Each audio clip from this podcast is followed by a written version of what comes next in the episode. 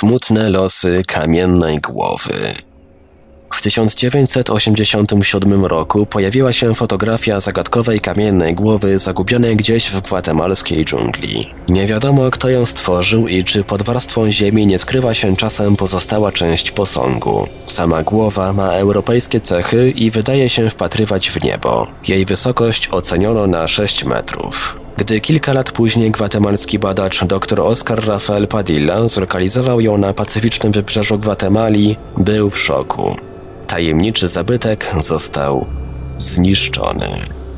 O niektórych znaleziskach archeologicznych, nawet takich, o których początkowo było bardzo głośno, szybko przestaje się mówić. Tak było z zagadkową kamienną głową zagubioną gdzieś w gwatemalskiej dżungli. Pierwszy raz doniósł o niej w 1987 roku dr Oscar Rafael Padilla Lara, filozof, prawnik i notariusz, który interesował się też zagadką UFO. Jak twierdził, zdjęcie otrzymał w liście datowanym na 16 sierpnia 1986 roku.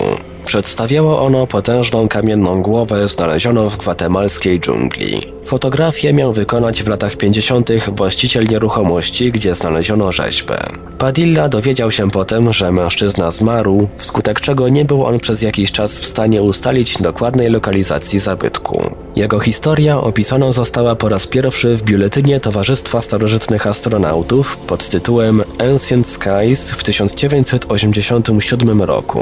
Tekst ogniskował się wokół zdjęcia, które stanowiło sedno kontrowersji. Kamienna głowa miała bowiem wyraźnie europejskie cechy, cienkie usta i wydatny garbaty nos. Choć jej oczy wyglądały na zamknięte, inni uznawali, że były one wbite w niebo. Mierzyła prawdopodobnie około 6 metrów wysokości, a o jej rozmiarach w stosunku do człowieka świadczą siedzący na niej trzej mężczyźni i zaparkowany w pobliżu samochód. Jedno z pierwszych nasuwających się na jej widok pytań kazało zastanowić się, czy struktura ograniczała się do samej głowy, czy pod ziemią pogrzebana była reszta posągu, jak w przypadku słynnych Moai z Wyspy Wielkanocnej. Niestety o sprawie wiadomo niewiele więcej. Archeolog i pisarz David Hatcher Childress postawił sobie za cel zlokalizowanie głowy. Tym celu odwiedził doktora Padille, który przekazał mu informację, iż jego kuzyn ustalił, że posąg znajdował się w jednej z posiadłości rodziny Binerów. Wiedząc o tym, doktor Padilla rozpoczął dokładniejsze poszukiwania, udając się na pacyficzne wybrzeże Gwatemali. Jak pisze, cytat, Przeszedłem 5 kilometrów główną drogą, potem jeszcze 3 kilometry bitą drogą o fatalnym stanie, a potem jeszcze 5 kilometrów pieszo przez dżunglę. Koniec cytatu. Okolice La Demokracja, w których się znalazł, miały kryć zaginiony skarb. Radość szybko przemieniła się jednak w rozpacz. Padilla twierdził, że posągu już nie było. Cytat Został zniszczony jakieś 10 lat wcześniej przez rewolucjonistów. Odszukaliśmy go zbyt późno.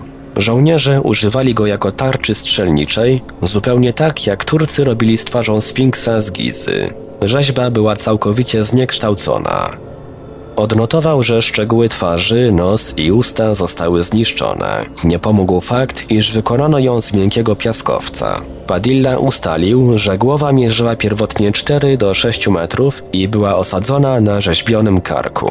6 czerwca 1991 roku Padilla napisał w liście do Filipa Copensa. Grupa ludzi z Davidem Hatcherem Childressem rzeczywiście odwiedziła Gwatemalę. Nim trafili do mnie, zaopatrzyłem ich w informacje, jak dotrzeć do wszystkich miejsc, które chcieli zobaczyć. Dołączyłem też fotografię. Niestety, z powodu spraw zawodowych nie mogłem im towarzyszyć. Udało mi się zlokalizować i zobaczyć kamienną głowę, ale leży ona na bardzo niestabilnym obszarze, który stanowi rejon starć między rządem a rebeliantami, którzy zniszczyli rzeźbę. Znajduje się ona 10 km od niedużej wioski.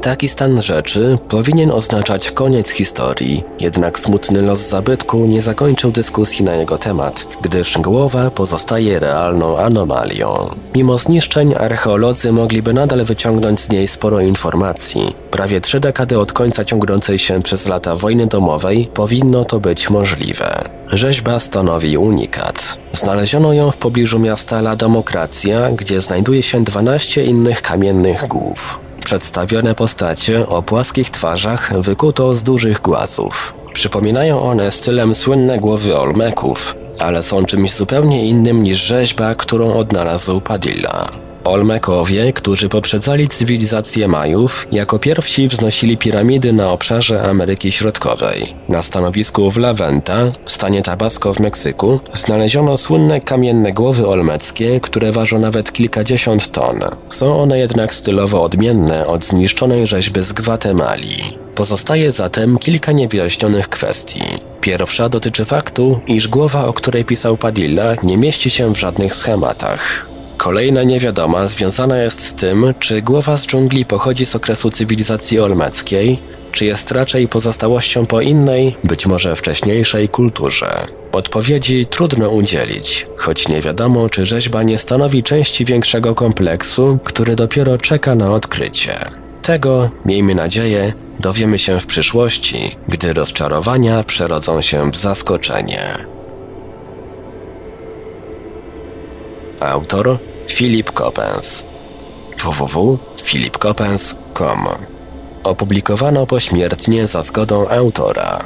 Tłumaczenie i opracowanie portal Infra. www.infra.org.pl Czytał Ivelios